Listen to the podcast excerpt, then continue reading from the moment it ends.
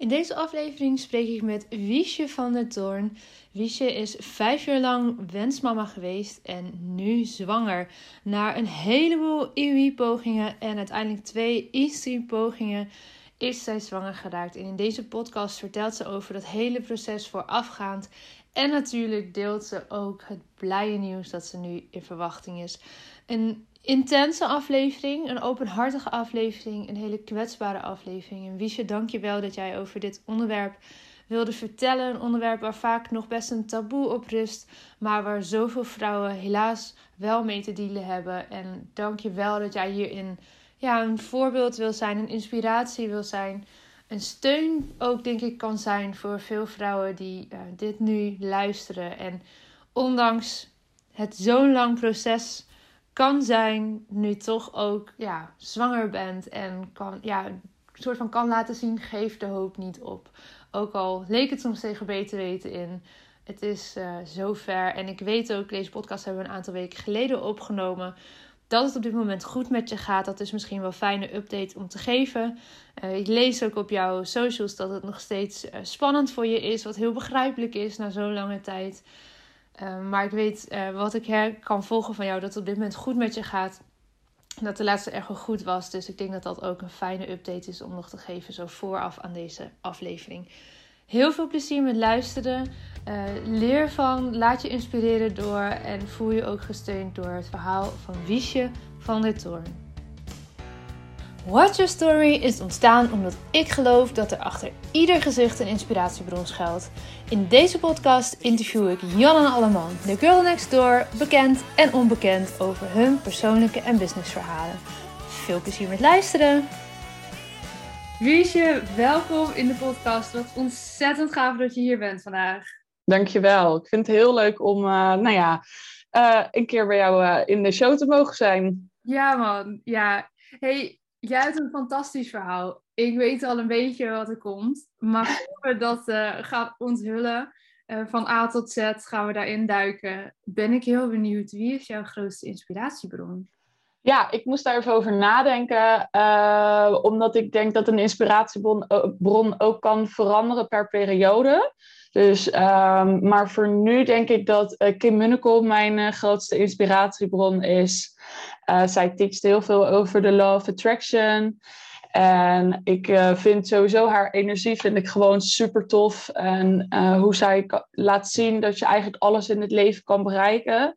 Dat geeft mij gewoon heel veel inspiratie, zowel voor privé als business-wise. Um, ja, is dat toch echt momenteel, denk ik wel, mijn grootste inspiratiebron. En ik luister haar podcast helemaal plat. Dus die, ja. Ja, leuk. Leuk. Ja, haar naam wordt vaak genoemd als antwoord op deze vraag. Oh, dat ja. natuurlijk omdat ik heel veel uh, mensen heb leren kennen voor deze podcast-interviews uit haar Facebook-community. Ja, dat is waar inderdaad. Het is heel leuk om, uh, om haar naam vaak voorbij te horen komen, want ik spreek haar uh, regelmatig. En, ehm, ja. Dat was ergens alweer vergeten, dus dat, eh, dat ja, we op die manier zeg maar samen waren gekomen. Ja, maar dat is waar, ja. Ja, dat is natuurlijk al een tijdje geleden dat, dat contact gelegd is. Ja. Ja. Um, ja, nou tof. En ik snap het helemaal. Ik vind haar ook uh, heel enthousiast en inderdaad een mooi voorbeeld van wat je kan bereiken. Um, ja. Wat je qua mindset daarin uh, zelf ook kan beïnvloeden. Dus, 100%, zeker weten. Haar, haar naam vaker voorbij horen komen, maar als je geïnteresseerd bent, zoek haar zeker eens op. Uh, ja. In een podcast. Hey, um, kan jij jezelf misschien kort voorstellen? Wie ben je? Ja. Wat doe je zoal in het dagelijks leven? nou, ik ben Wiesje. Ik woon op Scheveningen, lekker aan het strand. Uh, dus dat is natuurlijk top. 29 jaar. Ik werk momenteel uh, parttime in de gehandicaptenzorg. En ben daarnaast ook fotograaf. Dus ik heb ook mijn eigen uh, bedrijf. En nou ja, waarom we natuurlijk ook zeker met elkaar aan tafel zitten, is dat ik vijf jaar wensmama ben geweest. Dus, ja, dat geeft me gewoon ook kippenvel, joh. ja, ja, laten we gelijk maar met het uh, goede nieuws uh, in huis vallen, denk ik. Ja, dus toen wij kennis maakten, toen was ik nog steeds wensmama. En um, as we speak zijn wij 11 weken zwanger. Dus dat is heel bijzonder. Ah toen wij kennis maakten, toen grapte we van, nou, hoe leuk zou het zijn als, als we deze zouden opnemen en um, we dit nieuws kunnen brengen. Had ik nooit verwacht. Maar uh, ja, het is een feit. hadden we het. Ja, ja. Mm, dus, uh, dus dat. Prachtig. Ik zag het voorbij komen. Uh, ik weet niet wanneer je het deelde, volgens mij twee weken geleden of zo. Ja, zoiets ja, inderdaad. Ik dacht echt, oh my god, dit is zo geweldig. Want ja, ja toen natuurlijk al een beetje, toen wij kennis maakten, al een beetje verteld over jouw verhaal. En nou ja, we konden alleen maar hopen dat een paar maanden later, nu tijdens de opname, er misschien een ander verhaal zou zijn. Uh, maar dat het ook echt zo zou zijn, ja, dat was natuurlijk nou, dat had ik in mijn stoutste dromen niet verwacht. Laat ik het daarop houden. Nee. Dus uh, nee, nee. Dus dat is ja, heel tof. Moraal van het verhaal, en daar gaan we dan nu wat dieper op in. Er is dus hoop, ook als je in jou, zoals in jouw geval al vijf jaar bezig bent ja. zwanger te worden. Kun je mij en de luisteraar misschien eens meenemen, die vijf, zes jaar terug? Uh, waar stond jij toen in je leven? En wil je ons meenemen in dat, in dat eerste stuk van die uh, wens om moeder te gaan worden? Ja, uh, het is natuurlijk best wel een lang verhaal. Dus als je denkt, het wordt te lang, laat het me vooral ja, en ik kan natuurlijk zoveel vertellen daarover. Maar uh, nou ja, ik was 24. Ehm, ik heb eigenlijk altijd de wens gehad om heel jong moeder te worden. Uh, ik kom eigenlijk uit een familie waarin iedereen best wel heel vroeg uh, mama werd. En ik, ja, ik, heb ik had dat beeld ook voor mezelf eigenlijk wel gezien. Ik had zoiets van, nou weet je, voor mijn 24e zou wel leuk zijn. Maar ik had nog een eeuwigdurende studie waar ik niet echt doorheen kwam. Dus, Wat studeerde je? SPH. Ja. dat is nu social work tegenwoordig, maar ik studeerde toen SPH. Uh, ik woonde wel al drie jaar samen met mijn vriend. Was ook al vijf jaar samen met hem. Maar wel zitten, nou weet je wat? Hadden we een afgesproken compromis gemaakt. Hebben eerst even je studie en daarna gaan we daarmee aan de slag. Dus uh, nou, uiteindelijk op mijn 24ste uh, studeerde ik af. En ik weet ook nog wel, de dag van mijn verdediging nam ik mijn laatste pil. Uh, van mijn strip, zeg maar. Zei ik, nou, als ik vandaag slaag, dan is dit de laatste. Dus dat kan ik ook nog heel goed herinneren. En uh, nou die dag slaagde ik. En uh, toen was eigenlijk zoiets van, nou, dan kunnen we er tegenaan. En um, ja, uiteindelijk duurde dat twee jaar voordat we eigenlijk in het ziekenhuis terecht mochten komen. de huisarts wilde ons in eerste instantie niet doorsturen. Uh, want ik was nog zo lekker jong. Mm. Je komt ook nog heel vaak terug en waar krijg ik echt de kriebels van. Um, dus uh, ja, ik, ik moest het nog maar gewoon even proberen en dat soort dingen. En uiteindelijk in mei 2019 belanden wij in het ziekenhuis met de eerste afspraak. En dan ga je door een hele medische molen. Ja, dus ik word daar, zo, daar mag je zo uitgebreid ja vertellen. Maar ik ben wel benieuwd, hè, want je bent al 24, nou net afgestudeerd. Je had iets van, we willen ervoor gaan. Dit is een goed moment, we willen dit graag. Wanneer kreeg jij dan in de gaten van, hey, en want vaak is dat misschien niet eens zo rationeel, maar meer zo'n vrouwelijk instinct van, hey, dit, dit klopt niet, zo gaat het niet gebeuren of zo. Nou, ik heb eigenlijk altijd voor mezelf een beetje gehad van eh, met een jaar, als je binnen een jaar niet zwanger wordt, dan dan mag je hulp inschakelen, zeg maar. Um, dat, dat zat in mijn, ik weet niet, heb ik dat ergens vandaan gehaald? I don't know. Ja, maar, je dat vaker. Ja, ik denk dat dat iets is wat ons wordt aangeleerd op die manier.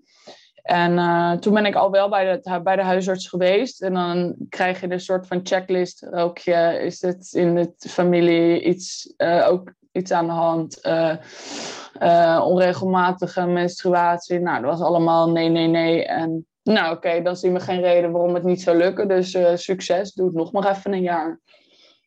Ja, bizar. Hoe is dat nieuws om te krijgen dan op zo'n moment? Um, ik, ja, ik vond het wel even een, een mindfuck, als ik het zo even mag zeggen.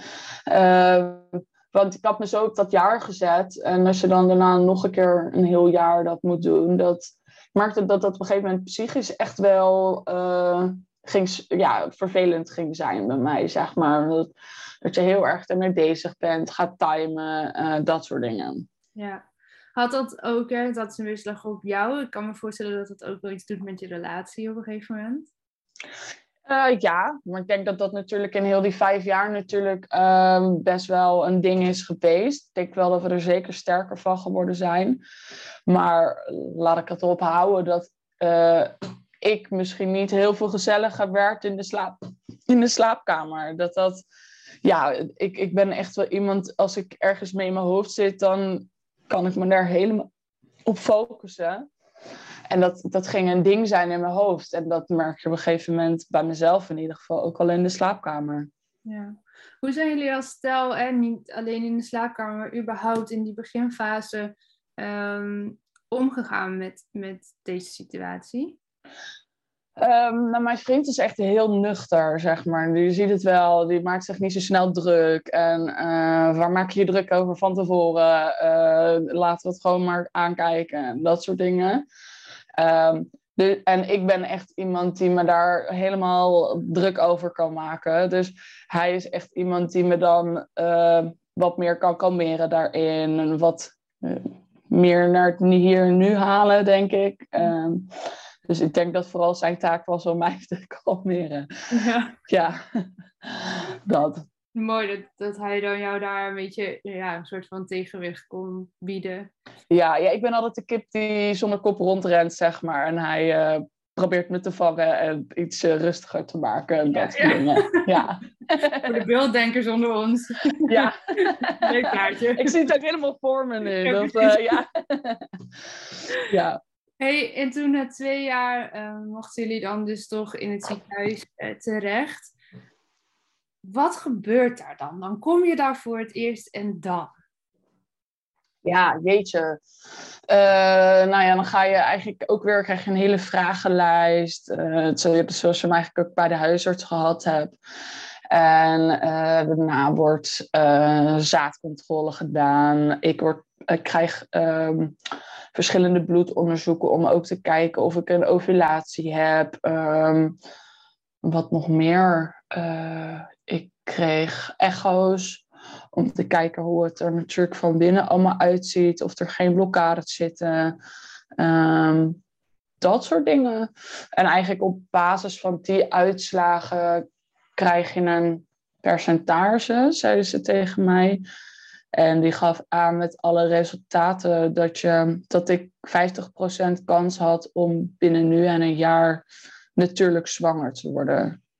Oké, en want waar is zoiets dan op gebaseerd? Dus blijkbaar is het anders, uh, misschien 90 of zo. En, en wat voor dingen waren er dan gevonden waardoor die kans lager zou zijn?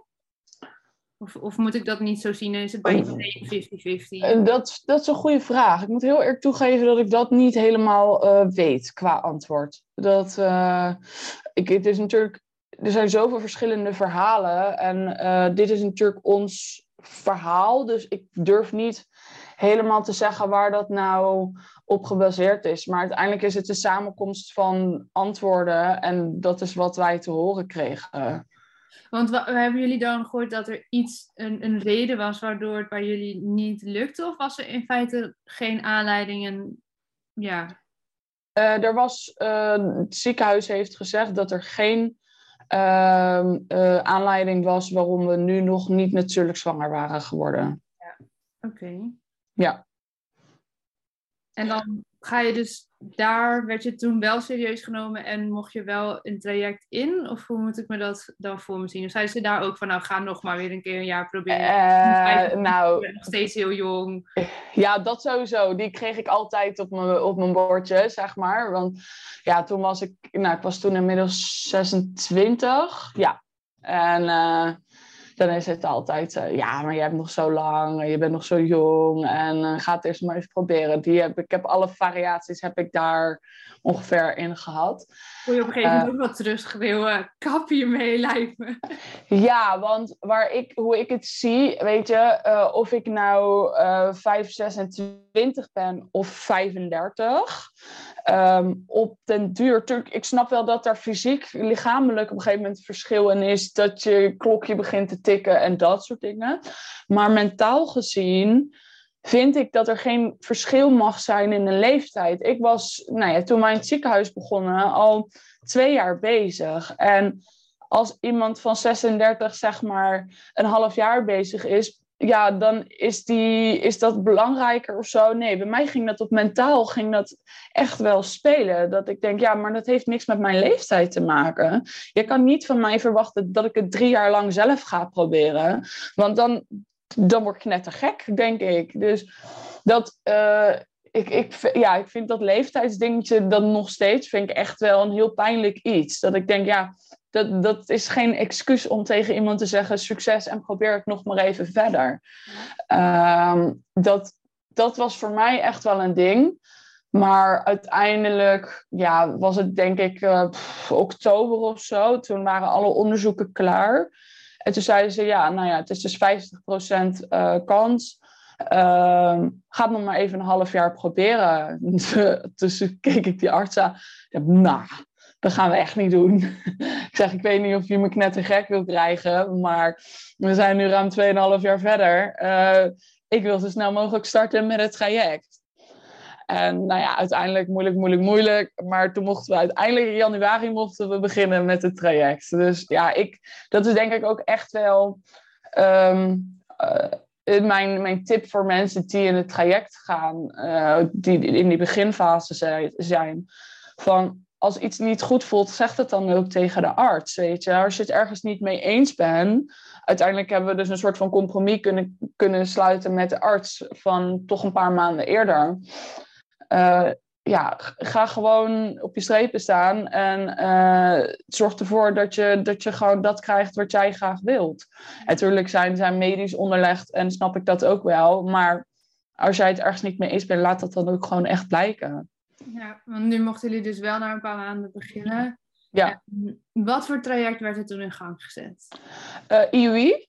En uh, ja, er zijn best wel hele verschillende combinaties daarin. Dus daar heb ik niet veel kennis over. Dus dit is puur wat ik natuurlijk heb meegemaakt. Mm en uh, dat houdt in dat ik hormonen moest spuiten via uh, de buik. En dat moet je zien, ik weet niet of mensen dat natuurlijk kennen, maar als een soort van insulinepen voor diabetes. Ja. En die spuit ik dan in mijn buik. En dan kreeg ik om de zoveel tijd kreeg ik een echo. En um, dan gingen ze kijken hoe groot mijn ei, dat mijn eitjes aan het groeien waren. En um, die moest dan ongeveer 21 mm zijn. Dan was die rijp en zat je tegen je ovulatie aan. En dan, nou ja, snappen we allemaal dat je dan zeg maar zwanger kan worden als je de ovulatie hebt gehad. Um, het is zo dat je mijn ziekenhuis hanteerde dat ik er max drie uh, rijp mocht hebben. Want anders heb je kans op een vierling of een vijfling als je er meer hebt, zeg maar. Ik weet dat daar nog wel eens andere standaarden in zijn, maar mijn ziekenhuis toen er tijd, die uh, hanteerde er drie. Uh, dan als je zeg maar ongeveer een eicel van 21 mm hebt, dan uh, zet je een spuit om je ovulatie op te wekken. En dan mag je terugkomen voor de inseminatie. Dan levert vriendlief uh, zijn spul in die wordt letterlijk in de molen gedaan om het zeg maar uh, ja, alles op te wekken, alles wakker te maken en daar echt het beste uit te halen. Mm. En die wordt via een katheter bij mij naar binnen gebracht. En dan is het afwachten of de uh, bevruchting zeg maar zelf gaat plaatsvinden en dat je daar zwanger van wordt. En is dat iets, doet dat pijn of hoe, hoe, zie ik dat voor me? Is dat een gekke vraag? Weet ik niet. Maar... Mm, nee, ik denk niet dat het een gekke vraag is. Um, het, het spuiten zelf is op zich niet pijnlijk. Ik ben ook verder niet bang voor naalden. Alleen vanaf ronde 2 IUI heb ik een prikangst bij mezelf gecreëerd. Uh, waardoor ik. Ja, heel handig. Echt, echt top. um, dus uh, dat zorgde ervoor dat het spuiten gewoon best wel lastig ging bij mij. En um, nou ja, ik heb de eerste twee rondes wel volledig zelf gedaan. Maar uiteindelijk uh, vanaf daarna um, heeft mijn vriend het uh, grotendeels overgenomen. Want ik kreeg het niet meer voor elkaar. Maar en, weet je, was daar een aanleiding voor? Weet je mm. Of nu? Nee, kijk, ik denk, ik denk dat toch ook onbewust het mentale daarin meespeelt of zo. Dat je elke dag weer die spuit moet zetten. Uh, ja, dat. Ik keek daar ook elke, elke dag weer tegen op. Dus ik ging me daar ook echt, ja, ja, je, ja, je gaat er echt tegen opzien de hele dag. Ja. Dus dat hielp niet echt, zeg maar. Nee, nou en toen, dus jullie zijn naar het ziekenhuis gegaan. De eerste ronde, je hebt het over een tweede ronde. Hoe, hoe vaak ehm, mag je zoiets doen? Of kan je zoiets doen? Want het lijkt me ook best wel pittig, dus voor jou met het spuiten en hormonen. Ja, ja gemiddeld. Uh, ik weet dat er nogal wat veranderingen in zijn, maar gemiddeld doen ze ongeveer een keer of zes. Uh, Zo'n ronde. Um, en die moet ik even heel goed nadenken. Sorry jongens, dit is ook een klein beetje mijn eh, zwangerschapshoofd momenteel. Leuk nou dat je dat daar nu op kan gooien. um, uh, niet omdat het allemaal helemaal uh, op de maand of de dag moet kloppen. Oh nee hoor, nee, nee, nee, dat zeker niet. Nee, maar gemiddeld ongeveer een keer of zes. Want ze zeggen dat daarna uh, de kans, als je dan nog nooit zwanger bent geweest, dat de kans klein is dat het dan überhaupt nog gaat lukken. Uh, nou ja, we weten allemaal begin 2020 wat er gebeurde. Mhm. Dus dat zorgde ervoor dat wij januari, februari 2020 de eerste twee rondes hebben gedaan. En uiteindelijk pas in september de derde ronde. Dus daar zat natuurlijk al een hele grote periode tussen. helemaal niet meer terecht in het ziekenhuis. Nee, wat ook verder ook helemaal logisch was en wat helemaal prima was, omdat er gewoon focus was op wat anders. Uh, maar daardoor heeft die IUI-ronde uiteindelijk ruim twee jaar geduurd. Ja. En Terwijl het dus zes... even stoppen ook met dat prikken en zo? Nog een keer? En moet je dan tussentijd, in die tussentijd mocht je ook stoppen met dat prikken? Of heb je ja. altijd, ja toch? Dat lijkt me dan. Ja, klopt inderdaad. Ja, dus dat, uh, daar ben je dan op dat moment niet mee bezig. Wat op zich ook wel lekker is. Ik, zeker, ik, ja, ik, ik vond die periode eigenlijk best wel fijn. Want je kon niks. Je, er was niet iets wat je op het ziekenhuis moest wachten. Want er mocht gewoon niks. Dus ik vond dat eigenlijk best wel heel erg chill, merkte ik. Um, dus dat, uh, uh, ja, dat. Nou ja, nou is het zo dat. Ik weet niet. Ja, ik ga gewoon gelijk verder. Maar um, uiteindelijk ronde drie deden wij in het ziekenhuis.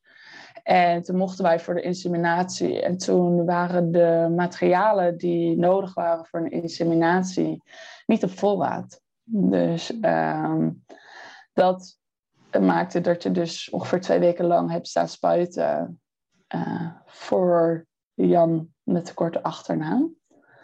Wat uh, Ja. Dat kreeg je daar ter plekke te horen? Ja, wij liepen al met ons buisje oh, opgewekt zaad zeg maar, door het ziekenhuis. En uh, nou, het liep al een uur uit, die afspraak. Dan zit je al niet chill, want ja, dat zaad heeft ook niet het eeuwige leven. dus ik, ik, begon ook echt wel een beetje boos te worden. En toen uiteindelijk bleek ook het benodigde materiaal. Dan moet je denken aan een katheter en een speciale spuit. Want niet in elk slangetje kan dat, zeg maar, omdat dat weer de kwaliteit kan verminderen. En toen kreeg ik dus dat nieuws. Nou, toen werd ik helemaal eh, gek, ongeveer. dus um, ja, ik was echt woest. Ik ben denk ik nog nooit zo woest geweest in mijn leven. Uiteindelijk hebben ze wel wat binnengebracht. Ik dacht, ja, weet je, um, laat maar gewoon doen. En ik zie wel wat er gebeurt. Want anders heb je het helemaal voor uh, Jan Lul gedaan. Um, maar toen hebben wij besloten om uh, per direct het ziekenhuis te verlaten. En op zoek te gaan naar een, nieuw, een nieuwe plek. Het was ook wel zo dat dat niet het enige was wat er in het ziekenhuis gebeurde hoor. Het was al een opstapeling van. Van dingen, ja. Ja, en daar komt ook weer het stukje als je niet. Uh, spreek uit als je het ergens niet mee eens bent. En dat hebben we dus niet gedaan, waardoor dit letterlijk de druppel was die de emmer deed overlopen. Um, en dat maakte dat we eigenlijk, uh, nou, het is het oktober ongeveer 2020, uh, zonder uh, plek zaten voor een fertiliteitstraject. Dus dat was echt wel even een grote domper. En waar zijn jullie toen dan naartoe gegaan? Nou ja, toen ben ik eigenlijk zelf gaan onderzoeken van, hey, weet je, wat, wat zou ik nou graag willen? Ja. Uh, kijk, als jij bij de huisarts terechtkomt, dan is het welk ziekenhuis wil ik? Ja, met de kortste wachttijd. Prima, weet je. Ja. Dus daar heb ik verder me helemaal niet in verdiept. Dus dat zou ook echt een tip zijn als je daarmee te maken hebt. Ga jezelf verdiepen. Wat je fijn vindt, wat vind je allemaal, dat soort dingen. En uiteindelijk zijn wij terechtgekomen bij het MCK in Leiderdorp. Medisch Centrum Kinderwens. Ehm, dat is een kliniek die zich volledig richt op fertiliteitstrajecten. Dat vond ik gewoon eigenlijk een heel fijn idee. dat dat hun hoofdfocus was. En ehm, het is dus kleiner. Ja, ik voelde persoonlijker. Dus we hebben uiteindelijk de keuze gemaakt om daar naartoe te gaan. Ja. Hey, en toen hebben jullie dan nog een aantal pogingen gedaan, neem ik aan? Ja, want we hadden in totaal hadden we dus uh, drie IUI's achter de rug. En um, in het MCK hebben we uiteindelijk vier keer gestimuleerd. De eerste keer stimuleren bij, en dus dat is met hormonen spuiten, dat is stimuleren. Um, bij de eerste keer dat, ik, dat we dat bij het MCK deden, had ik in één keer uh, vijf eitjes uh, klaar liggen. Um, dus die ronde werd geannuleerd. Uh, want een vijfling was toch wel iets te veel van Beetje het goede. Ja. Um, dus ja, daardoor hebben we uiteindelijk dus daar vier keer stimuleren gedaan en drie inseminaties. En dan sta je, wat is het, pff, eind vorig jaar, sta je weer met lege handen. En dan, Hoe was het voor jou? Ja, het is een beetje, misschien vraag ik naar de bekende weg, maar misschien kan je dat toch een beetje schetsen. Mm -hmm. um, om elke keer dan weer zo'n negatieve zwangerschapstest te krijgen. Heel heftig. Ik heb in het begin ook wel met de psycholoog gepraat toen we eigenlijk nog bij het ziekenhuis waren. Uh, zaten. Um, ik, ik, dat kreeg ik aangeboden via het ziekenhuis, dus dat heb ik gedaan. Maar ik, ja, ik vond het heel heftig. Uh, je bent zo gewend om eigenlijk alleen maar in teleurstellingen te denken. Um, dat soort dingen. Wat mij wel heel erg heeft geholpen is um, dat ik eind 2019 eigenlijk online openbaar maakte dat wij. Um, waren we dus net niet bezig met de IUB, maar we hadden wel alle onderzoeken gehad. Uh, dat wij dus moeite hadden met het, uh, het, maken, zwanger worden van een kindje, zeg maar. Um, en dat maakte dat ik een hele grote groep uh, lotgenoten om me heen kreeg. En dat hielp mij heel erg. Elke teleurstelling die ik dan online plaatste, er was zoveel herkenbaarheid bij.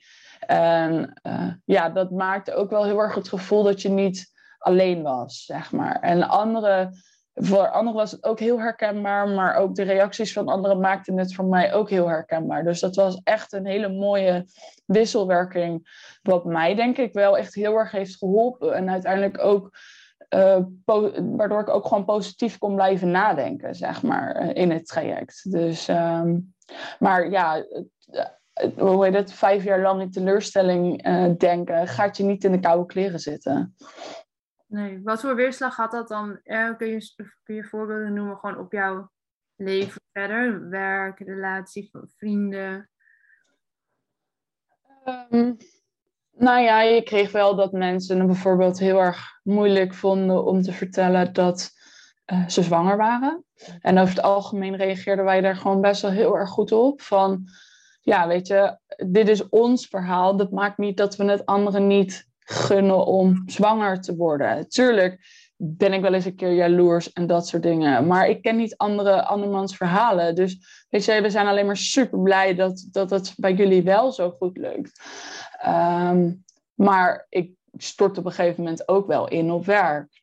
Dat je hebt geen, geen rust in je kop, zeg maar. Je gaat van je werk. En ik zat natuurlijk, het was natuurlijk ook vol uit coronaperiode. Ja, ik, ik werkte in de zorg, uh, dus dat maakte um, dat dat zeg maar dubbel opkwam. Ik had gewoon wel een coördinerende functie op dat moment. Dus dat maakte dat ik ook wel gewoon redelijk wat verantwoordelijkheden had rondom uh, om mijn werk. Uh, en dan kom je thuis, ja, dan heb je eigenlijk ook geen rust in je kop, omdat je continu bezig bent met het zwanger worden, het traject, teleurstellingen, dat soort dingen. Dus ja, ik, dat, dat stapelde zich wel een beetje op, zeg maar, het volle hoofd. Ja. Hoe ben je daarmee omgegaan? Wat voor keuzes heb je gemaakt om daar in hmm. te blijven? Um, nou, uh, dan gaan, moeten we iets naar voren. Dat is uh, ongeveer maart 2021 geweest. Toen kwam ik uh, terug van een lang weekend Drenthe samen met mijn vriend. En toen kwam ik op mijn werk. Ik ging achter de laptop zitten. En ik voel zo de spanning van onder naar boven in mijn rug trekken. En toen dacht ik, wat de hek ben jij aan het doen, Liesje? Dit kan niet langer zo. Als je zo doorgaat, zit je met een maand thuis. En ik had, heel toevallig had ik die dag ook een gesprek staan met mijn manager. En ehm, uit het niets uh, vloep ik tegen het gesprek uit. Ben ik klaar mee. Ik uh, wil dit niet meer. Ik voel het niet goed. Het gaat niet goed met mij. Ik moet aan mezelf denken. Dus ik uh, wil stoppen met deze functie. En ik wil minder uren gaan werken. Dus dat was in twee uurtjes in één keer dat ik dacht... Poef, het is klaar. Ik ga voor mezelf zorgen. Wat goed. ik ga geen... Ik, ik heb altijd heel erg... Um, uh, het idee gehad dat ik een bepaalde richting op moest met mijn werk. Want ik had die studie gedaan, dus het was een hele logische stap om die kant op te gaan. En toen had ik die functie en toen dacht ik eigenlijk alleen maar, wat de hek zit ik hier te doen? Dit is helemaal niet wat ik wil. Ik word er helemaal niet blij van. Het vreet enorm veel energie. Um, en ik wil me eigenlijk gewoon bezighouden met mezelf en het zwanger worden en mijn eigen gezondheid en dat soort dingen. En dat kon niet op dat moment met die werkzaamheden die ik had. Dus uh, besloot ik heel erg rap in één keer dat het klaar was. Uh, kwam je thuis en toen moest je tegen je vriend zeggen, uh, gaat ja. juist Dit was namelijk niet besproken. Dus ik, dus ik had ook wel zoiets van, hoe gaat mijn vriend erop reageren? Maar en? die, ja, die was daar helemaal oké okay mee. Ja, hij had iets van, ja, weet je, je moet vooral doen wat er voor jou ja, goed voelt. Die zelf, zei. Absoluut. Um, ja. En ik wist ook wel financieel dat we het gingen redden gewoon. Dus dat er verder niet zo heel veel problemen mee gingen zijn. Ja, en eerlijk is eerlijk, weet je, heel veel mensen laten het erop aankomen um, tot dat, die maand later waar jij het over hebt. En dat je echt thuis komt ja. zitten dat het gewoon niet meer gaat. En hoe stoer is het als je dat voor bent, nou ja, stoer is misschien eens het goede woord, dat je het hebt aangevoeld, dat je die keuze hebt durven maken en dat het ja, is gelukt om dat dus net voor te zijn. Uh, waardoor je um, nou ja, in om hebt om thuis te zitten. Ja. Ja, en ik denk ook wel, nu je dat zo zegt, uh, ik denk ook wel dat het traject daarbij geholpen heeft. Ik um, ben me eigenlijk heel erg gaan focussen door het traject heen. Van oké, okay, wat wil ik? Waar heb ik behoefte aan? Wat vind ik ja. belangrijk? Ik werd heel egoïstisch en dat vond ik top. Ja, ja maar egoïstisch op een goede manier ik, ik, ja, ik vind egoïstisch niet per se een, een, een verkeerd iets, zeg maar. Nee. Um, want ik zie het als, als dat je de focus op jezelf legt. En zolang jij niet voor jezelf zorgt, kan je ook niet voor anderen zorgen. Dus ja, ik, ik werd heerlijk egoïstisch, wat ik helemaal top vond op dat moment. Uh, en, en ik denk ook wel dat dat maakt uiteindelijk dat ik die keuze gemaakt heb om uh, te stoppen met mijn functie en uh, 32 uur wat ik op dat moment werkte. En um, te zeggen van ja, het is done. Ik ga me gericht op mijn eigen gezondheid. En wat voor mij denk ik ook wel.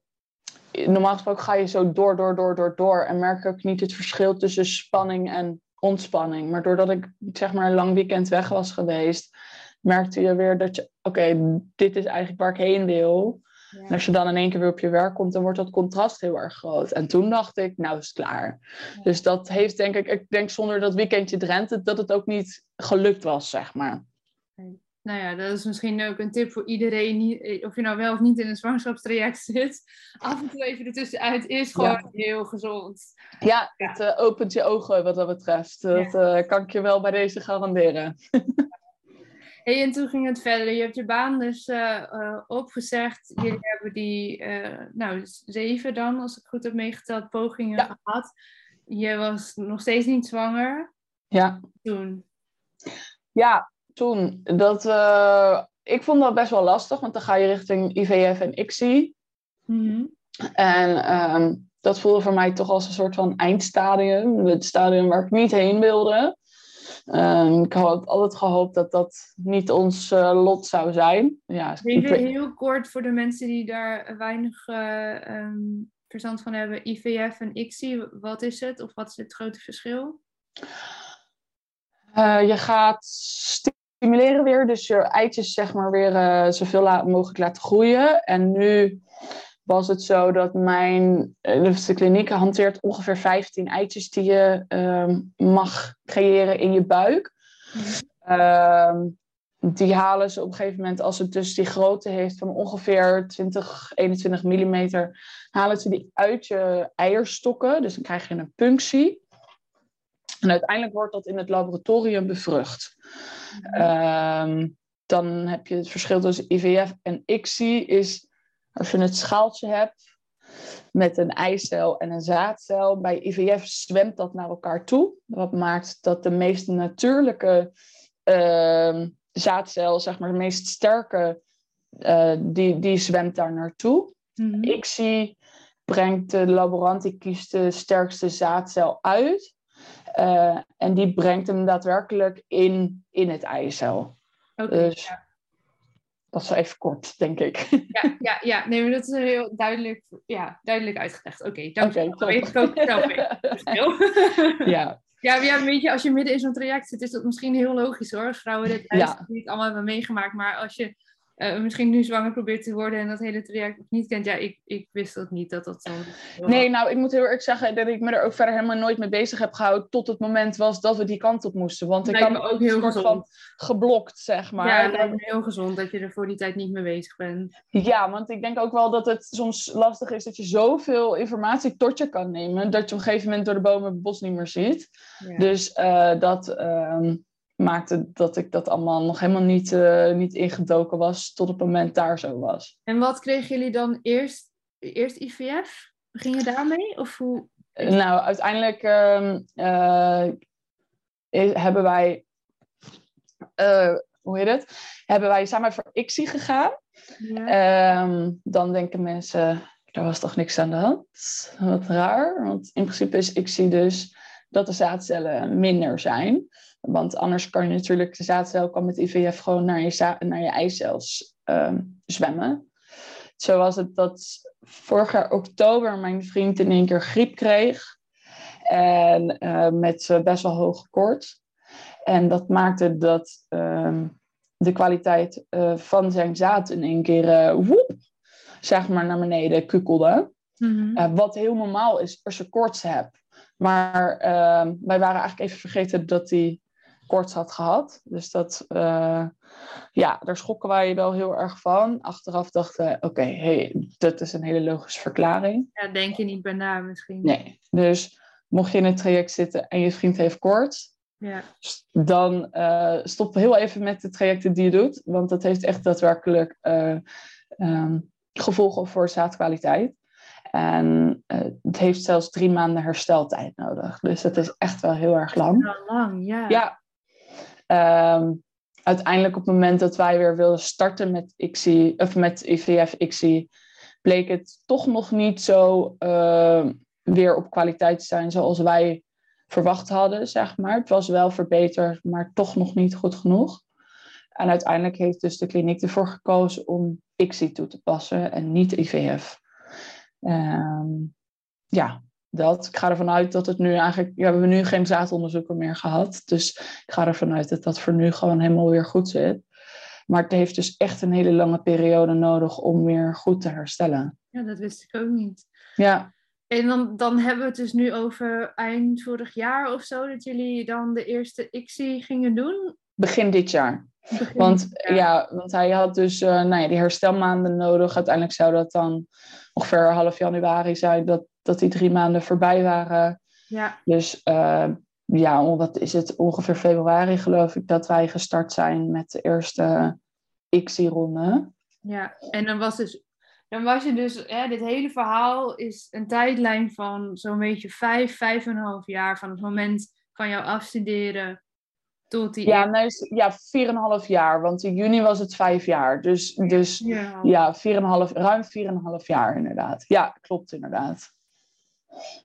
En toen was die eerste ICSI. Was het met de eerste uh, raak of had je daar eerst ook nog weer een negatieve test? In had ik ook weer een negatieve test. Het is wel zo dat, um, nou ja, wat ik net vertelde, is dat ze ongeveer verwachten 15 eicellen te kunnen halen, oogsten, zeg maar, bij mij. Mhm. Uiteindelijk bleken dat er 21 te zijn. Dus dat was ook wel ietsje meer dan ze eigenlijk uh, verwacht hadden. Um, en daar kwamen uiteindelijk twaalf bevruchtingen uit. En um, zijn er uiteindelijk tiende vriezer ingegaan. En dat, was, dat is echt een monsterscore voor iedereen die waarschijnlijk in IVF-XI-traject zitten. Dat is iets wat niet mega vaak gebeurt. Gemiddeld wat ik van Anno begreep is ongeveer dat je er twee à drie de vriezer in krijgt. Uh, dus ja, wat dat betreft is 10 echt, uh, echt wel een monsterscore. Daarmee zeg je dus eigenlijk dat jullie tien pogingen uh, zouden hebben. In de eerste ronde. Een ronde is zeg maar als je een punctie gehad hebt. Ja. Um, heb je maar één, e-, eentje in de vriezer liggen, dan heb je één kans. Wij hebben dus in de eerste ronde tien kansen. En hoeveel rondes mag je dan?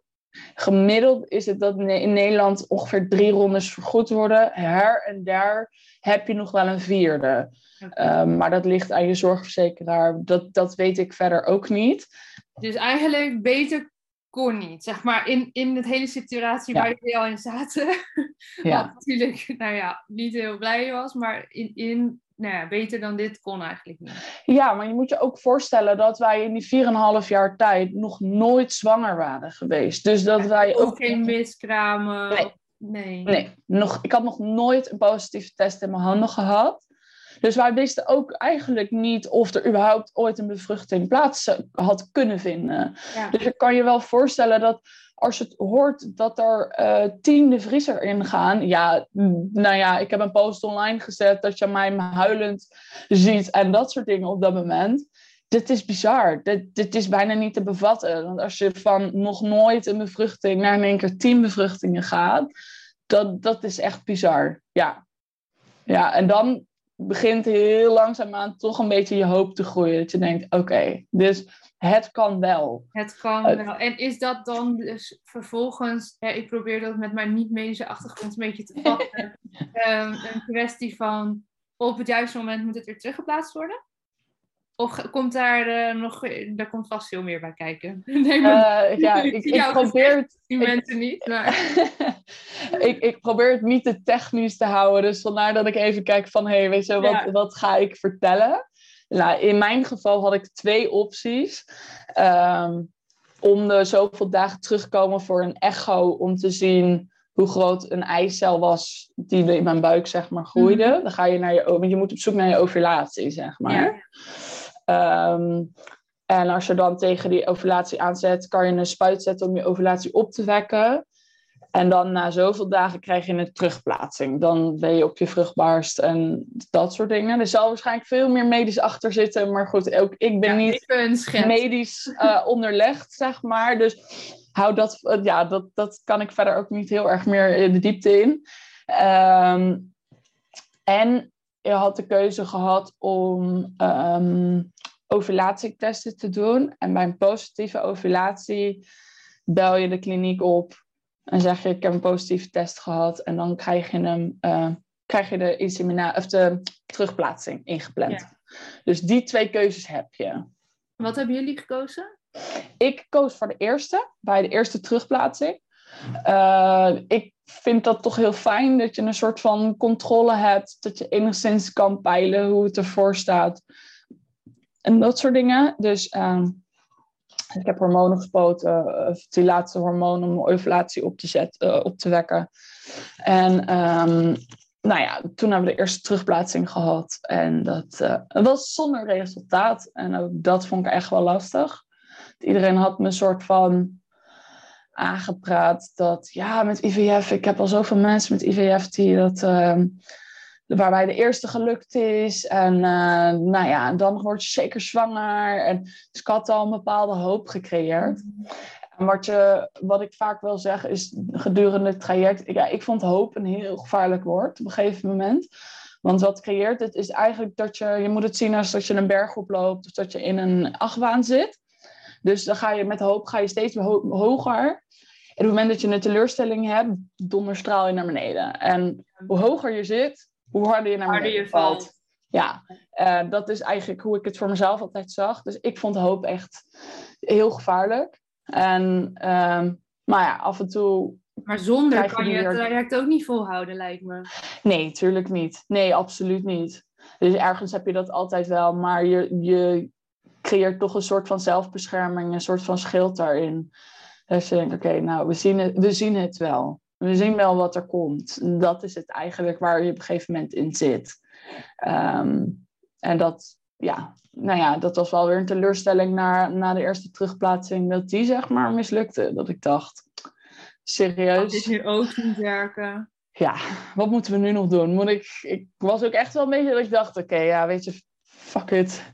Ik stop ermee. Ben er klaar mee. Ik zie het wel. Ik, uh, ja. ik was echt wel op een gegeven moment in dat, uh, dat gebied. Ik dacht, ja, ik weet niet wat we nog, gaan, wat we nog kunnen doen. Ik ben er klaar mee.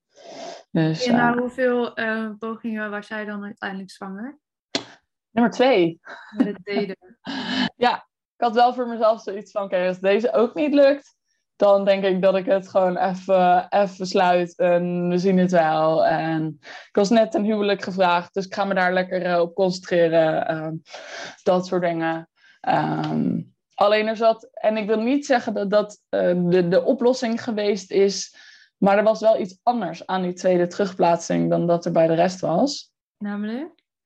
Um, ik wilde eigenlijk weer voor de eerste optie gaan, dus echo's met ovulatie, uh, spuit, zeg maar. Alleen op de. Uh, mijn cyclus duurde ietsje langer. Dus ik had op een gegeven moment wel een datum of een plek of een uh, tijd ingepland. Van oké, dan moet je die spuit zetten. Maar doe ook wat ovulatietesten. Dan weten we zeker dat je hem niet dubbelop hebt, zeg maar. Want anders ga je spuit zetten die helemaal niet nodig is, want je hebt je ovulatie al. En uiteindelijk, dat was op zaterdagavond, moest ik eigenlijk die spuit zetten. En zaterdagmiddag heb ik een positieve ovulatietest in mijn handen. Dus ik, uh, kliniek gebeld, spoednummer. Die kan natuurlijk niet bellen in het weekend. Top. Ik zeg, oké, okay, wat moet ik nu doen? Help. Ik wist echt even niet meer hoe of wat.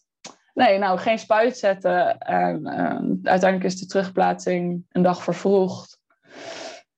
En nu ben ik zwanger. Ja, man. het is heel raar om dat nog steeds te zeggen. Um, maar daar zit dus wel... Dat was de allereerste ronde dat, het, uh, dat ik het zonder hormonen heb gedaan. En dat vind ik wel bijzonder. Bijzonder, ja. Nogmaals, ik durf niet te zeggen dat dat de truc is geweest bij ons. Maar ik vind het wel bijzonder dat dat dus de ronde is die gelukt is. Ja.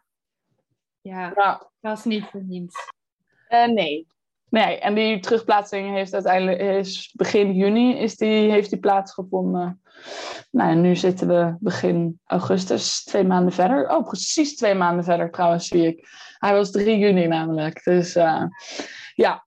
En, uh, maar, en dan, dan, dan, je hebt die test. En ik, ik zat net namelijk even op je Instagram te kijken. Je hebt een heel kort stukje daarvan opgenomen. Waarschijnlijk heb je toen weggeklikt en ben je gaan schreeuwen en huilen en dansen. En nee, niet eens. Nee, niet. Oh. Nou ja, ja, als je mij op Instagram, uh, als je mij opzoekt, dan zie je inderdaad het, het filmpje um, dat ik ontdek dat, uh, dat de zwangerschapstest um, positief is. Um, ik was eigenlijk, dat op maandag, die zondag was ik al eigenlijk weer in alle staten. Ik voelde ook kramp en ik dacht, oké, nou ja, ik weet alweer hoe laat het is. En mijn menstruatie komt door en um, dit is weer mislukt. Dus ik was echt die zondagavond echt uh, in alle staten. Dus ik had zoiets maandagochtend, joh, laten we die test doen. Dan weten we weer hoe vaart het is. En dan kunnen we weer verder met het leven, om het maar even zo te zeggen. En ja, om, om um, voor mensen die wellicht geen Instagram hebben. Ik had mijn camera opgezet en ik had nog niet naar de test gekeken. En in eerste instantie draai ik hem naar de camera. Dus ik had verder zelf ook nog niks gezien. Um, maar wat ik eigenlijk zag in mijn ogen was een negatieve test. Dus je ziet ook de teleurstelling in mijn ogen. Mm. En ik draai hem om. En toen zag ik dus dat hij een heel licht streepje had. Toen dacht ik echt, wat de hek. en um, ja, dat... Uh, ik, ja, ik was ook heel stil in mijn reactie. Je zag alleen heel veel in mijn gezicht veranderen. Dat je echt dacht, wat de hek is hier aan de hand? Want ik had dus nog nooit een positieve test gehad. Maar ik wist ook, een streepje is een streepje. Maakt niet uit hoe licht die is of hoe donker die is. Een streepje is een streepje. En uh, ja, uiteindelijk mijn vriend was al naar zijn werk. Dus die heb ik opgebeld via videobellen. En die laat ik... Uh, die was op dat moment net de deur van, zijn, van de winkel aan het openen. Dus ik, ik laat die test zien. Zegt hij, ja dus? Ik kom echt niet naar huis hoor. Ik zeg, schat, weet je wat het is? En hij dacht dus dat het een coronatest was.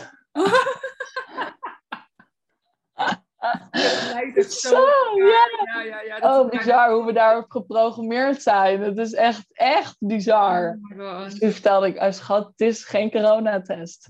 Dit is een zwangerschapstest. Ja, toen moest ik natuurlijk wel huilen, zeg maar. Maar ehm, ja. ja, het is nog steeds eh, alsof ik iemands anders verhaal zit te vertellen. Ik weet het niet. Het is echt bizar nog steeds qua gevoel. En heb je toen nog drie testen gedaan of dat niet? Ik heb eh, gedurende die week, op één dag na, heb ik nog vier testen gedaan. Ja, precies. Dat kan Ja. ik voorstellen. Ja, ik vond dat wel heel fijn, omdat de eerste dus heel licht was. En Ja. mijn vriend was ook wel weer de nuchterheid hemzelf.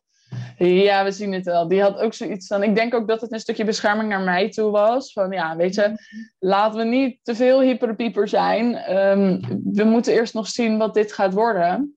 Ja. Dus ik heb eigenlijk meerdere testen gedaan en daarin zag je wel heel mooi eh, de lijn steeds dikker worden. En toen had ik zoiets, oké, dit zit voor nu wel goed, zeg maar. Dus wat dat betreft was dat voor mij wel een geruststelling. Ehm, ja, Ja, mooi. Ik, ik weet dat ook nog zo goed dat wij eh, voor het eerst die test gingen doen. En ehm, dat we hadden eh, gewoon van die, die hele mooie clear blue test had eh, Tim, mijn man, eh, gekocht. Hij zei, ja, maar dan moeten we wel gewoon ook een goede test hebben, weet je wel. En dan... ja. En nou ja, ik had gewoon in eerste dingen, instantie... die deden het dus helemaal niet. Oh, echt? Oh, zo, kak. Maar die zijn ook knijten duur, die dingen. Ja, we hadden gewoon die duur. Maar ik zei, we hebben toch wel gewoon van die gewoon die zeg maar zo lijken op zo'n coronatest. Ja, Van de kruidvat of zo. Die, ja, van de kruid, die heb ik ook. Dus die zijn ook wit. En dus die lijken Ja, echt op zo'n coronatest, zeg Ik zei, we maar. moeten die pakken, want die zijn gewoon degelijk. Serieus, Niet met al die fancy en dat er dan op staat zwanger of niet zwanger. Ja. Met een streepje. Nou ja, en die werkte dus wel. eh, toen in ieder geval. Ja, nee, ik heb eerst vier van die kruisvattesten gedaan. En uiteindelijk, want de eerste test was op maandag. Uiteindelijk op vrijdag heb ik ook die eh, Clear Blue eh, test gedaan. Ja, en die gaf toen eh, ja, één à twee weken aan. Dus toen wist ik ook wel dat dat Ja, goed zat, zeg maar. ja, man. En dan ben je ineens zwanger. En Ja, ik kan me voorstellen dat dat dan na zo'n lange tijd ook wel een bepaalde mindfuck is. absoluut. 100 procent. Je, je, je, snapt, je snapt jezelf op een gegeven moment niet meer. Dat, ik, het, het grappige was ehm, dat nou ja, iemand dicht, die ik via werk ken, zeg maar, die zei op een gegeven moment: Ja, je bent zo negatief geconditioneerd. En dat bedoelde ze heel goed en heel lief door die vijf jaar. Dat Ja. ik eigenlijk alleen maar, ik kon nog niet echt positief zijn, zeg maar. Ik kon alleen maar bang zijn en negatief en dat soort dingen. En dat bedoelde ze heel goed. Maar toen dacht ik, ja, je hebt wel gelijk. En daardoor ben ik ook wel meer gaan accepteren wat mijn gedachten allemaal zeiden. Dat het oké was, dat ik het spannend vond, dat ik het eng vond, dat ik er negatief over dacht. Ehm, dat soort dingen. Omdat dat gewoon iets is wat zo in mijn hoofd Ja. zat. En ik Ja, het was is eigenlijk bijna een nieuwe identiteit hè, die, je, die je gaat aannemen. Want 100 procent. jij van wensmama en dat hele zwangerschapstraject, dat is natuurlijk zoveel jaren. Dat, dat is wie je dan geworden bent bijna. Ja. En ineens is dat met, bij wijze van spreken met één test, één moment, is dat niet Ja. meer wie je bent. En ben je iemand nieuw, ja, je bent dezelfde persoon, maar ineens ben je de zwangere Wiesje. Ja, ja, klopt. En ehm, je, je bent zo gewend om in al die teleurstellingen te denken. Dat heb ik vijf jaar lang gedaan. Alleen maar elke maand een teleurstelling. En het voelde ook wel voor mij een beetje alsof ehm, eh, ik was een soort van mezelf schrap aan het zetten voor... Oké, welke teleurstelling gaat er nu nog komen? dat gevoel had ik heel erg. En dat is, uiteindelijk moesten we vanaf het moment dat ik de eerste dag testte nog drie en een halve week wachten op de eerste echo. Mhm. Dus dat was ook echt wel pittig, moet ik zeggen. En toen hadden we de eerste echo en toen kon ik het wel heel langzaam aan wat meer loslaten. Maar het ziet er nog niet echt uit als een baby. Dan ben je ongeveer Nee. ehm, zes, zeven weken zwanger. Het, het heeft nog niet echt de vorm van een baby. Dus ja, dan ben je nog niet helemaal gerust. Je zag wel een hartje kloppen, maar je hoorde ook natuurlijk nog helemaal niks. Nee, nee. En eh, anderhalve week later mochten we terecht voor bij de, na die eerste echo bij de intake van de verloskundige. En toen hoorden we voor het eerst het hartje. En toen kwam ik langzaam wel wat meer in rust en ehm, vertrouwen. Wat het nog steeds spannend maakt, want ik ben nog steeds in het eerste trimester.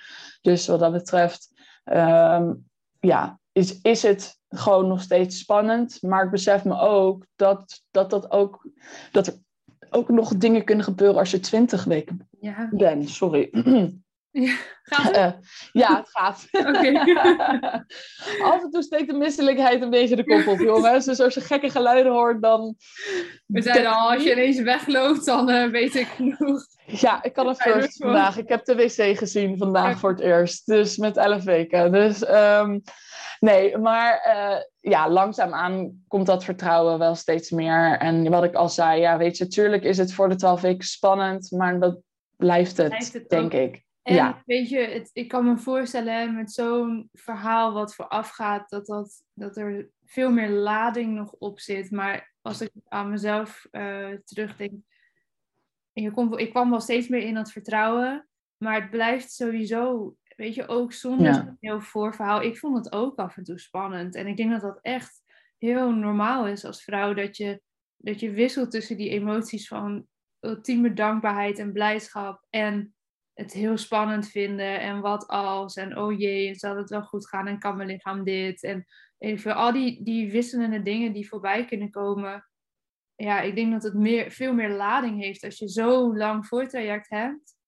Dat, dat het ja. iedereen wel door zijn hoofd schiet, is denk ik ook wel heel normaal. Ja, dat denk ik ook. En het is voor mij natuurlijk niet te bedenken hoe het voelt voor iemand die uh, heel makkelijk zwanger kan worden. Ik, ik weet niet hoe dat voelt. Ik, weet niet, ik weet niet hoe die er mentaal in zit. Dus ja, daarin kan ik natuurlijk alleen maar mijn eigen uh, ervaringen delen en, en gevoelens delen. Dus ik kan me daar enigszins in voorstellen, um, maar, wat in voorstellen. Maar ja, ik, ja, het is lastig natuurlijk in dit geval. Ik ken alleen maar het beeld van wensmama zijn. Ja. En um, ja, dat. Nou ja, jij zegt ook wel die lading. Toen we het aan familie en zo vertelden, of aan de gezinnen, zeg maar. Toen zag je ook wel hoeveel emotie er zat ja. bij hun, zeg maar. Dat, dat, uh... Je bent natuurlijk ook meegeleefd en jou ook ja. zien. Ja. Ja, dat, dat maak je ook nu nog, dat zie je bij je. Dan zie je in één keer, ja, ik ga spontaan van janken. dat dat, um... ja, hoe, hoe Jezus, jongens. Dan zie je ook hoe anderen echt hebben meegeleefd, zeg maar. Ja. Ja. Ik geef alles door hormonen de schuld nu, jongens. Dat mag. oh, oh. Dat is toch niet ja. ergens mooi? Dat is, ik vind het, het is puur. Die mensen hebben inderdaad al die jaren met jullie meegeleefd en gunnen Jullie hebben misschien ook wel zorgen om je gemaakt. Ja, heel erg. Ja, dat... Um dat, dat, dat zie je dan echt, zeg maar. En iedereen heeft altijd heel veel, met heel veel kracht om ons heen gestaan. En heel veel positiviteit geprobeerd uit te stralen. Maar die ziet ook ons pijn na zo'n lange periode. En um, ja, dat, dat is heel bijzonder als je dat dan eindelijk mag delen. Ja. oh, oh. Nou. Ja, maar als eenmaal de sluizen open gaan, dan stoppen ze niet meer. Dus heel even. nou, ga jij lekker even een potje janken? Ga ja. over de volgende vraag. Helemaal goed. nee, ik vind het mooi dat je dit oh. zien. En het, het zegt ook veel over de mensen die om jullie heen staan. En ja. de liefde die je daarvan voelt. Uh, ja, 100 procent. Ja. ja. hey, en um, ja, nu mag je beginnen te fantaseren over een babykamer en babykleertjes en zo. En of het een jongen of een meisje zal zijn. Ja. voor je? Um, ja, ook dat vind ik heel eng. Dat merk ik. Dat, is het dan altijd eng omdat er een angst zit van, oh shit, misschien gaat het toch nog misgaan? Ja, ja. Dat, dat, en het lukt wel steeds beter nu hebben nu drie echo's gehad. En, en ja, dan zie je het langzaam groeien. En dat, dat is gewoon echt wel heel fijn. We hebben maandag, dus twee dagen geleden, we weer een echo gehad. En dan zie je voor het eerst vingertjes. En je ziet het gewoon heel erg druk bewegen. En dat is nog steeds heel raar, omdat je dat natuurlijk ook niet kan voelen. Dat zullen heel veel moeders natuurlijk wel herkennen. Dat je het beeld wel hebt, maar je voelt niks. Dus dat is ook heel, heel gek. Ehm, maar ja, het dromen erin vind ik soms nog wel spannend. Dat uh, je, ja, je, ik ben bang dat ik soms wat aan het jinxen ben, zeg maar. Dat, ik weet niet, dat, dat gevoel blijft een beetje dat je denkt dat je die kant op kan, maar dan bam, komt er weer iets. Dat, is dat, uh, jij nu, krijg je daar in een soort van natraject ook begeleiding bij? Kan nee. dat wel vanuit zo'n kliniek heel waardevol zou kunnen zijn? Want ja, dat is een goede vraag. Um, nee, ik krijg het niet. Um, maar ik denk dat als ik het zou vragen, dat het zeker kan. Um, maar voor nu, ik heb ook gesprek gehad met psycholoog toen we net begonnen met het traject. Dus ik weet zeker wat voor waardevol het kan zijn. Um, maar ik wil het nu vooral, vooral gewoon een proces met mezelf laten zijn. En um, mijn nieuwe kant daarin zelf leren kennen. En ik zie niet dat het nu uh, iets negatiefs toevoegt aan mijn leven. Het is gewoon het proces waar ik in zit. En ja, wat denk ik heel normaal is. Mocht ik daar echt problemen mee krijgen, dan zal ik dat zeker doen. En vergis je niet, hè, uh, een coach of een psycholoog kan ook juist helpen bij positieve dingen die gebeuren in je leven. Dat klinkt misschien een ja. beetje tegenstrijdig, want het nee, naar iemand toe als er iets niet goed gaat. Ja. Maar het is nogal een identiteitsswitch die je meemaakt, ja. ten goede in dit geval. Ja. maar ook dat, ja, ik kan me helemaal voorstellen dat je daarin uh, wel zoekend bent naar, oké, ja, wie ben ik dan nu in deze nieuwe rol en wie wil ik zijn als mama en Weet je, die, dat, dat heb je sowieso als je uh, zwanger bent. Um, maar ik kan me voorstellen dat die overgang is nogal... Uh, ja, een uitdaging. ja, nee, nee, je hebt je 100% gelijk in.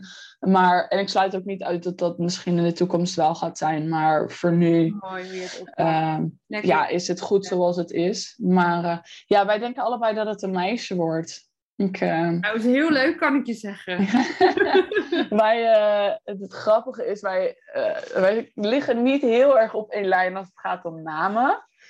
En um, dat is best een uitdaging. Jongensnaam hadden we eigenlijk nog nooit eentje gevonden waarvan we allebei zoiets hadden van dat wordt het. Mm -hmm. Dus toen ik deze embryo ging halen, toen ik naar mijn vriend, nou ja, de naam van het meisje, zeg maar. Ik ga die nu halen. Nou ja, die is ook blijven plakken. Dus daarin heb ik gewoon heel erg sterk het idee dat het gewoon een meisje is. Inmiddels hebben we ook een jongensnaam bedacht. Dus dat is wel best wel fijn. Ja. uh, maar ja, het is, uh, wij hebben allebei heel sterk het gevoel dat het een, uh, een meisje wordt. En dat gaan we meemaken. Dat, ja, het is uh, uiteindelijk hoop je natuurlijk dat het gezond is. Ja, en dat is natuurlijk het allerbelangrijkste. Ja. Maar uh, ja, ik heb toch altijd wel heel erg sterk het gevoel dat ik een, een meisjesmama ben, zeg maar. En misschien als ik ooit een jongen krijg, dan zal dat in één keer helemaal veranderen. Ja, dat, daar kom je niet onderuit. Nee, nee. Maar dat... Nee gevoel is altijd heel sterk geweest. Dus ja, wie weet, we gaan meemaken. We gaan het meemaken. Het, uh... we gaan het volgen ook allemaal. Waarschijnlijk uh, op het moment dat die online komt, dan... Ik weet niet of jullie dat al vooraf gaan delen überhaupt. Maar dan weet je het misschien zelfs al. Uh, het duurt nog even een paar weken voordat deze online ja. Ja, ik weet ook nog niet in hoeverre wij dat... Uh, hoe, hoe we het bekend gaan maken. nou, dat moet je ook lekker helemaal op die manier doen. Ik ja, ga het in ieder geval blijven volgen via jouw Instagram. Noem nog even jouw Instagram naam, zodat mensen jou kunnen vinden. Oh, grappig. Even, eh, even zoeken hoor. Ik heb ook namelijk mijn eigen business account, dus vandaar.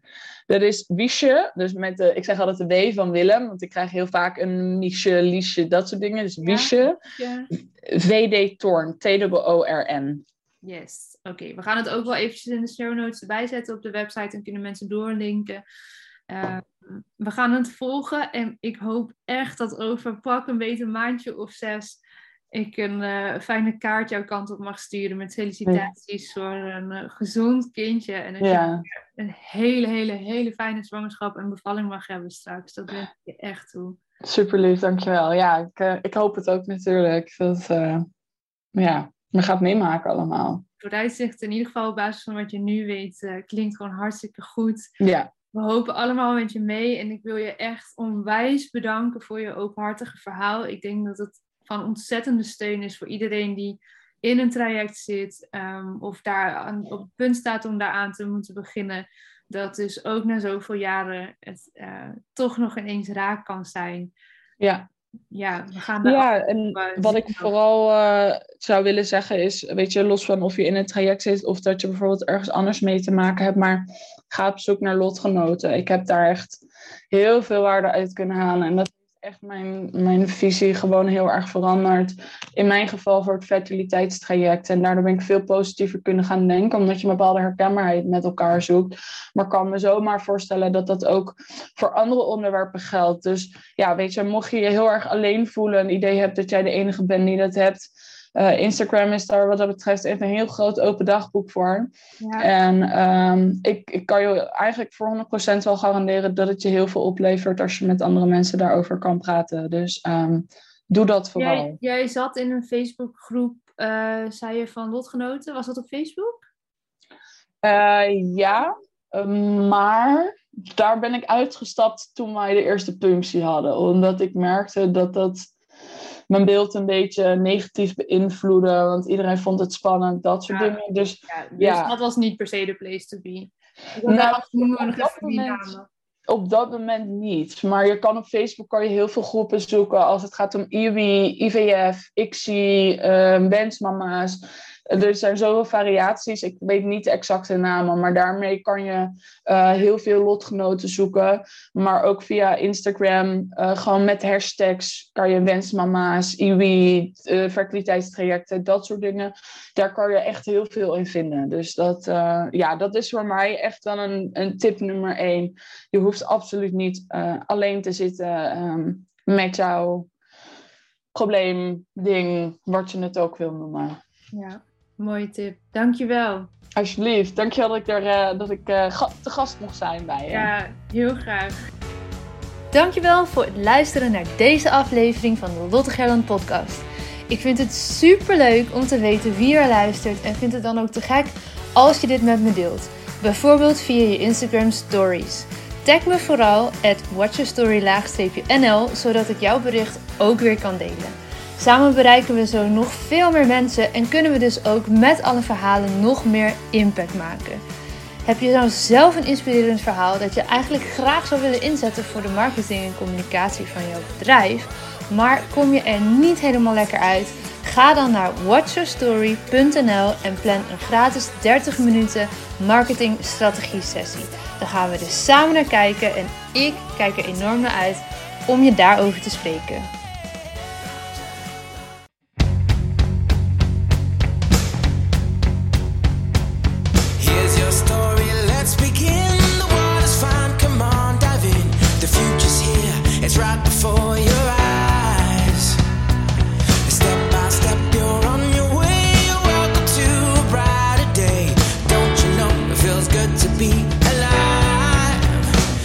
Could be larger